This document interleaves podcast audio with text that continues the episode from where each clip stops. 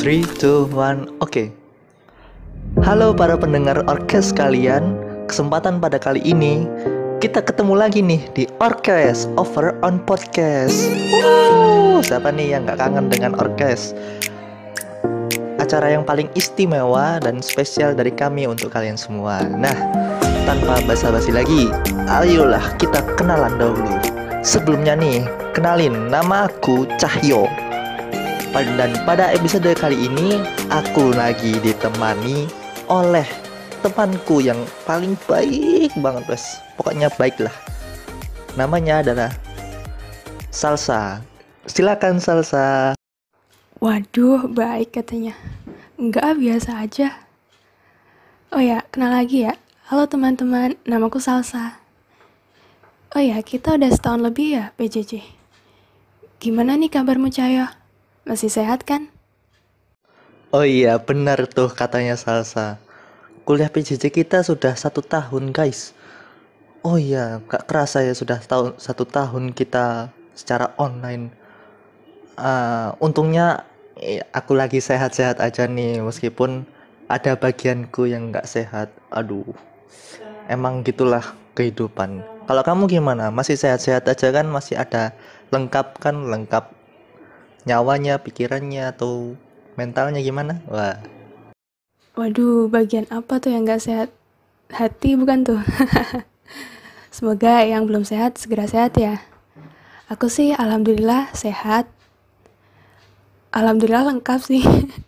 Nyawa, pikiran masih lengkap, alhamdulillah. Apalagi ini liburan kan makin menambah semangat untuk menjaga kesehatan nih.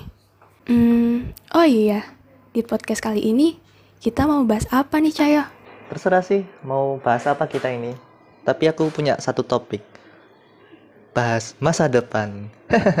gimana gimana? Duh, kalau bahas itu nanti jadi podcast sesi curhat nih. loh, loh, loh.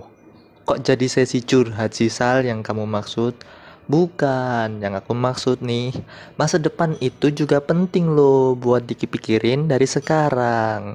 Mumpung nih kita masih muda, masih punya banyak waktu, masih punya waktu untuk merencanakan nih hingga persiapannya matang.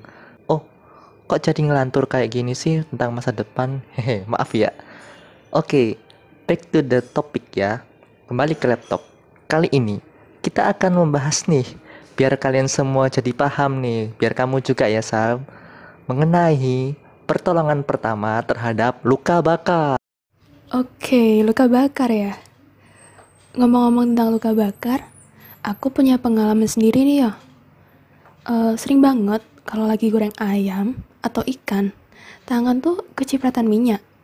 Dan biasanya setelah itu muncul semacam gelembung-gelembung gitu di permukaan kulit. Nah, setelah kecipratan minyak, tuh biasanya aku langsung basuh air sih. Kan kalau kecipratan minyak biasanya panas banget tuh. Terus kalau dialirin air kan biasanya lebih hilang tuh panasnya. Nah, itu penanganannya bener nggak sih ya? Oh iya Kasal, aduh kamu nggak apa-apa kan Sal, kamu sehat-sehat aja kan? Sakit kamu udah sembuh kan? Semoga saja sakit kamu nggak parah. Semoga kamu lekas sembuh ya Sal.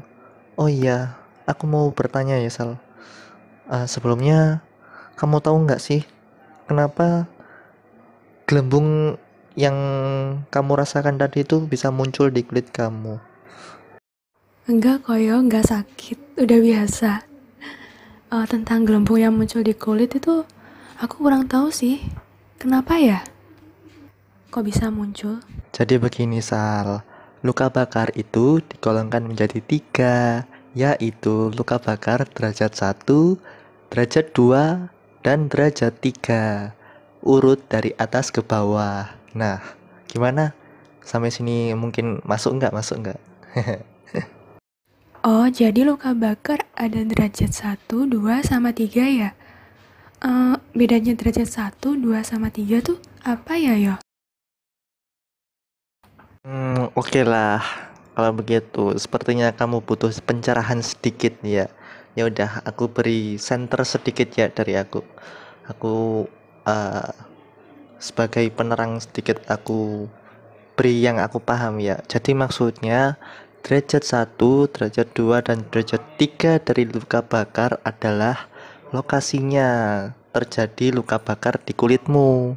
Luka bakar derajat 1 itu terkena hanya di bagian kulit ari, kulit epidermis kamu yang bagian luar itu loh, yang warna coklat-coklat, warna kuning langsat, warna sawo matang dan putih putih bersinar. Biasanya ditandai dengan kemerahan, nyeri dan bengkak. Nah, itu yang luka bakar derajat 1 dari atas kita masuk ke luka bakar derajat 2 semakin ke dalam di tengah-tengah ya. Bagian kedua itu di bagian kulit yang rusak lebih dalam dari derajat 1 biasanya ditandai dengan adanya gelembung yang berisi cairan bengkak-bengkak kemerahan dan lembab. Luka bakar derajat 2 ini yang terasa paling sakit di antara derajat yang lain.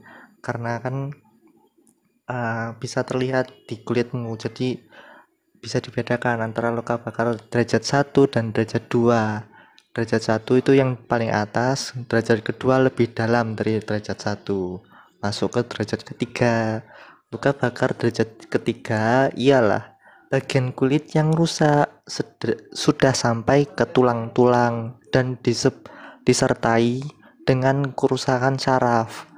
Oleh karena itu uh, penderita tidak akan merasakan sakit jika luka bakar sudah sampai ke tulang-tulang. Bukan kayak kayak pamungkas ya yang to the bone itu. Oh bukan ini lebih lebih parah lagi. Luka bakar sampai ke tulang.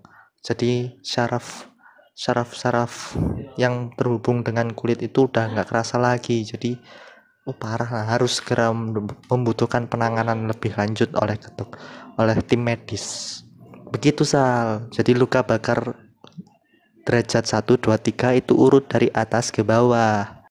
Oh, jadi luka bakar itu urut ya dari atas ke bawah dari tingkat kedalaman luka bakarnya. Jadi kalau pengalamanku, pengalamanku tadi itu termasuk luka bakar derajat 2 ya? Nah, iya, bener banget tuh Sal. Apa yang kamu alamin tuh termasuk derajat kedua kamu jadi bisa identifikasi tahun sendiri nanti ya ke depannya. Oke. Sebenarnya tuh beratnya derajat suatu luka bakar tuh kita bisa mengukur sendiri bisa ditentukan oleh dua faktor. Kamu tahu nggak sih Sal apa aja dua faktor itu? Nah kalau itu aku tahu sih Derajat luka bakar itu ditentukan dari dua faktor. Yang pertama, luasnya permukaan tubuh yang mengalami luka bakar. Yang kedua, lokasinya. Bener gak ya? Iya dong Sal, bener banget. Kamu kan paling bener yang aku kenal. Waduh, asik. Tadi itu salah satu cerita, setelah kena cipratan minyak panas langsung dibasuh dengan air. Nah, cara itu sebenarnya udah benar, tapi tidak semua penanganan luka bakar itu sama seperti yang kamu lakukan itu. Nah, jika luka bakar yang memiliki derajat 1 atau 2, langkah-langkah pertolongan pertamanya yang pertama, jauhkan dari sumber penyebab luka bakar. Lalu, alirkan air dingin atau air mengalir pada bagian yang terkena bisa menggunakan keran air atau botol air minum yang penting airnya mengalir biar biar kalor atau panas dari cipratan yang terkena di kulit itu bisa segera reda. Yang kedua, lepaskan perhiasan, aksesoris, perlengkapan, dan lain sebagainya. Atau kalau perlu pakaian yang melekat pada sekitar luka bakar itu membantu sekali untuk penanganan luka bakar. Yang ketiga, lakukan penilaian diri jika ada cedera lain, misalkan ada luka memar karena benturan atau luka tusuk atau bagaimana kan kita tidak tahu makanya kita perlu jaga-jaga dan mawas diri untuk diri sendiri ya. Yang keempat, Tutup luka bakar dengan penutup luka steril.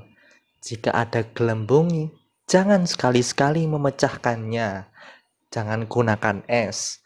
Jangan menggunakan pasta gigi Dan jangan gunakan cairan antiseptik pada luka bakar. Hal itu akan memicu pecahnya gelembung luka bakar itu akan membuat semakin mudahnya kuman dan bakteri masuk ke jaringan kulit. Itu yang akan berbahaya nantinya. Makanya jangan sekali-sekali pecahkan gelembung. Kalau pecah balon boleh pecah gelembung jangan. Gelembung kulit ya maksudnya. Itu nggak boleh banget nggak boleh bener ya. Yang kelima, segera rujuk ke fasilitas medis kesehatan jika luka bakar dianggap cukup serius. Apalagi uh, hati yang terbakar hati yang terbakar cemburu itu juga cukup serius. Kita perlu merujuk kepada fasilitas kesehatan, kesehatan hati maksudnya. Gimana? Mantap kak? Waduh, berat nih kalau udah bawa-bawa masalah hati. Oh ya, jadi uh, waktu itu aku siram pakai air sudah bener ya. Tapi dengan catatan uh, setiap luka bakar itu penanganannya beda-beda ya. Dan uh, sebenarnya banyak sih yang nyaranin kalau uh, gelembung bekas luka bakar kena cipratan minyak itu dipecahin aja biar cepet sembuh sih katanya. Tapi itu salah ya ternyata. iya salah katanya, katanya, katanya. Nah, di uh, sekitar kita memang seringlah beredar roman-roman katanya katanya katanya. Informasi yang telah sampaikan di sekitar kita itu ada yang terpotong jadi kurang lengkap. Itu akan menimbulkan kerancuan kesalahan dan tidak valid faktanya. Nah justru faktanya adalah ketika kita memecahkan gelembung hasil luka bakar yang ada di kulit kita, faktanya itu malah akan menyebabkan sembuhnya semakin lama. Nggak sembuh-sembuh, tambah sakit, tambah perih, kita semakin uh, kurang nyaman kan. Nggak sembuh-sembuh, seharusnya sudah sembuh, malah tambah lama. Kita semakin direpotkan kan, seperti itu. Oke, siap Cahyo. Terima kasih informasinya. Jadi kita uh, harusnya nggak cuma denger katanya, kita juga harus gali informasi. Bener nggak sih katanya itu? oh ya Cahyo, uh, aku uh, alhamdulillah sudah paham tentang luka bakar mengenai cipratan minyak tadi ya. Sekarang aku penasaran tentang Bagaimana kalau kita tidak sengaja terkena bahan kimia dan itu setelah terkena bahan kimia itu terasa panas dan kadang sampai melepuh. Itu termasuk luka bakar bukan ya? Terus penanganannya sama kayak luka bakar pada umumnya yang kamu jelasin tadi atau beda ya? Oh, akibat bahan kimia ya. Oh, itu juga termasuk luka bakar, Sal itu termasuk akibat dari bahan kimia luka bakarnya. Bahan kimia memiliki kepekatan dan tingkat molaritas masing-masing. Uh, pada tingkat tertentu, tingkat kepekatan tertentu itu akan membakar kulit kita jika berkenaan pada kulit kita. Maka dari itu kita juga harus berhati-hati dalam menggunakan bahan-bahan kimia. Penanganannya sama seperti luka bakar pada umumnya, cuman berbeda sedikit saja, sedikit ya, agak lebih uh, lebih perhatian deh harus dia perhatikan di bahan kimianya. Yang pertama, langkah-langkahnya yaitu pertama, segera siram luka bakar dengan air minimal selama 20 menit. Airnya juga harus mengalir ya, air mengalir selama 20 menit. Tapi jangan sekali-sekali menyiram air jika bahan kimia yang bereaksi makin kuat saat terkena air, misal bubuk soda api. Jadi kita lihat dahulu bahan kimianya itu apa sebelum kita menyiram air pada kulit kita. Misalkan bahan kimia tersebut uh, tidak bereaksi terhadap air, maka kita segera boleh untuk menyirami luka bakar dengan air yang mengalir boleh cuman ada beberapa bahan kimia yang tidak boleh disiram dengan air. Tuh harus tahu uh, pengenalannya.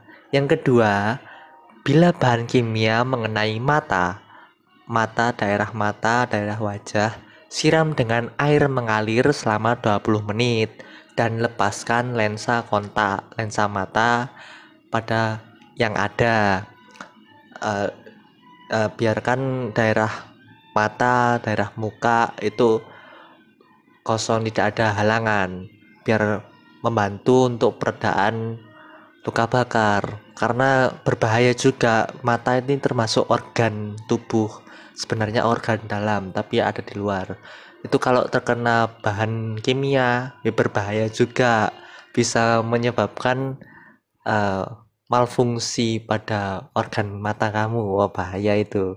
Harus segera ditangani dengan air mengalir menggunakan keran atau uh, bisa dibasuh-basuh selama 20 menit.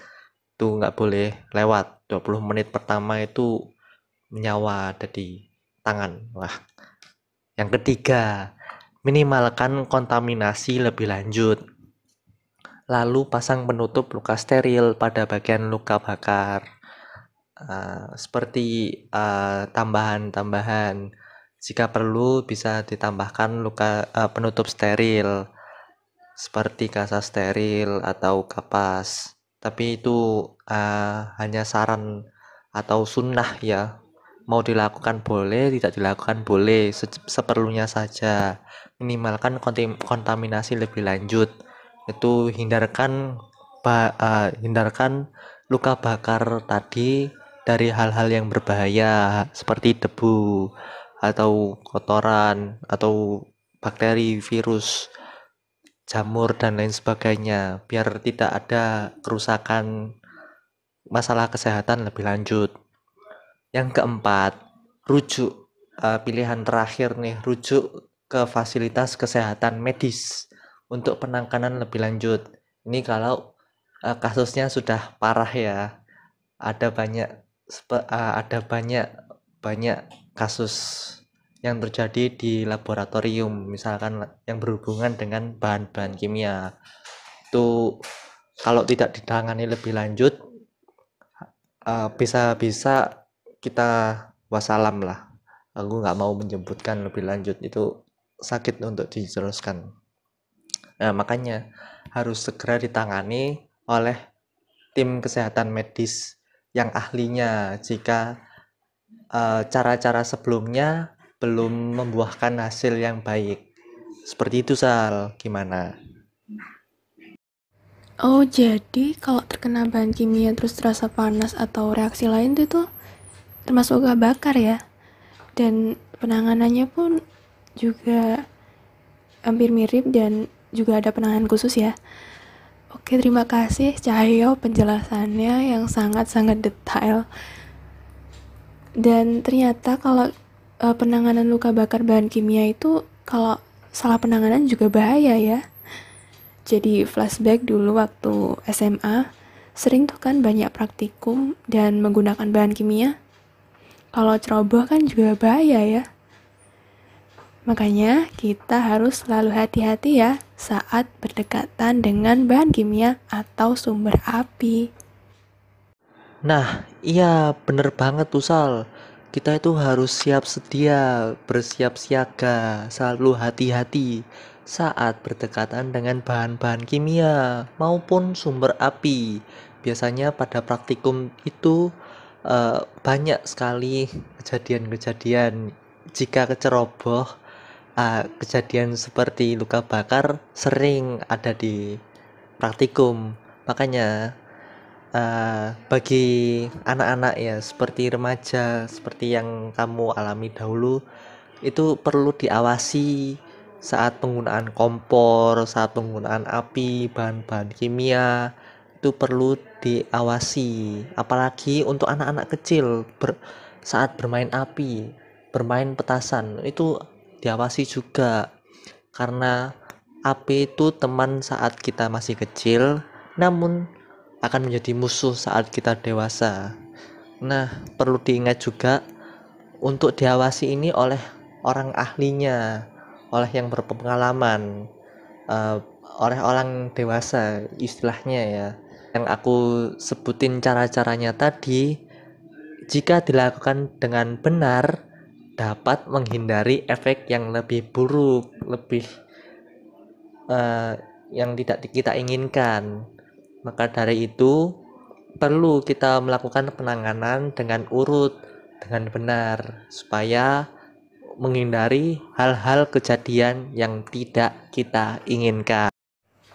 Banyak hal yang dapat mengancam atau membahayakan nyawa di sekitar kita. Tetapi bisa kita hindari jika tetap waspada dan sangat penting mempelajari pengetahuan mengenai penanganan yang tepat karena kita tidak tahu kapan dan siapa yang dapat menjadi korban.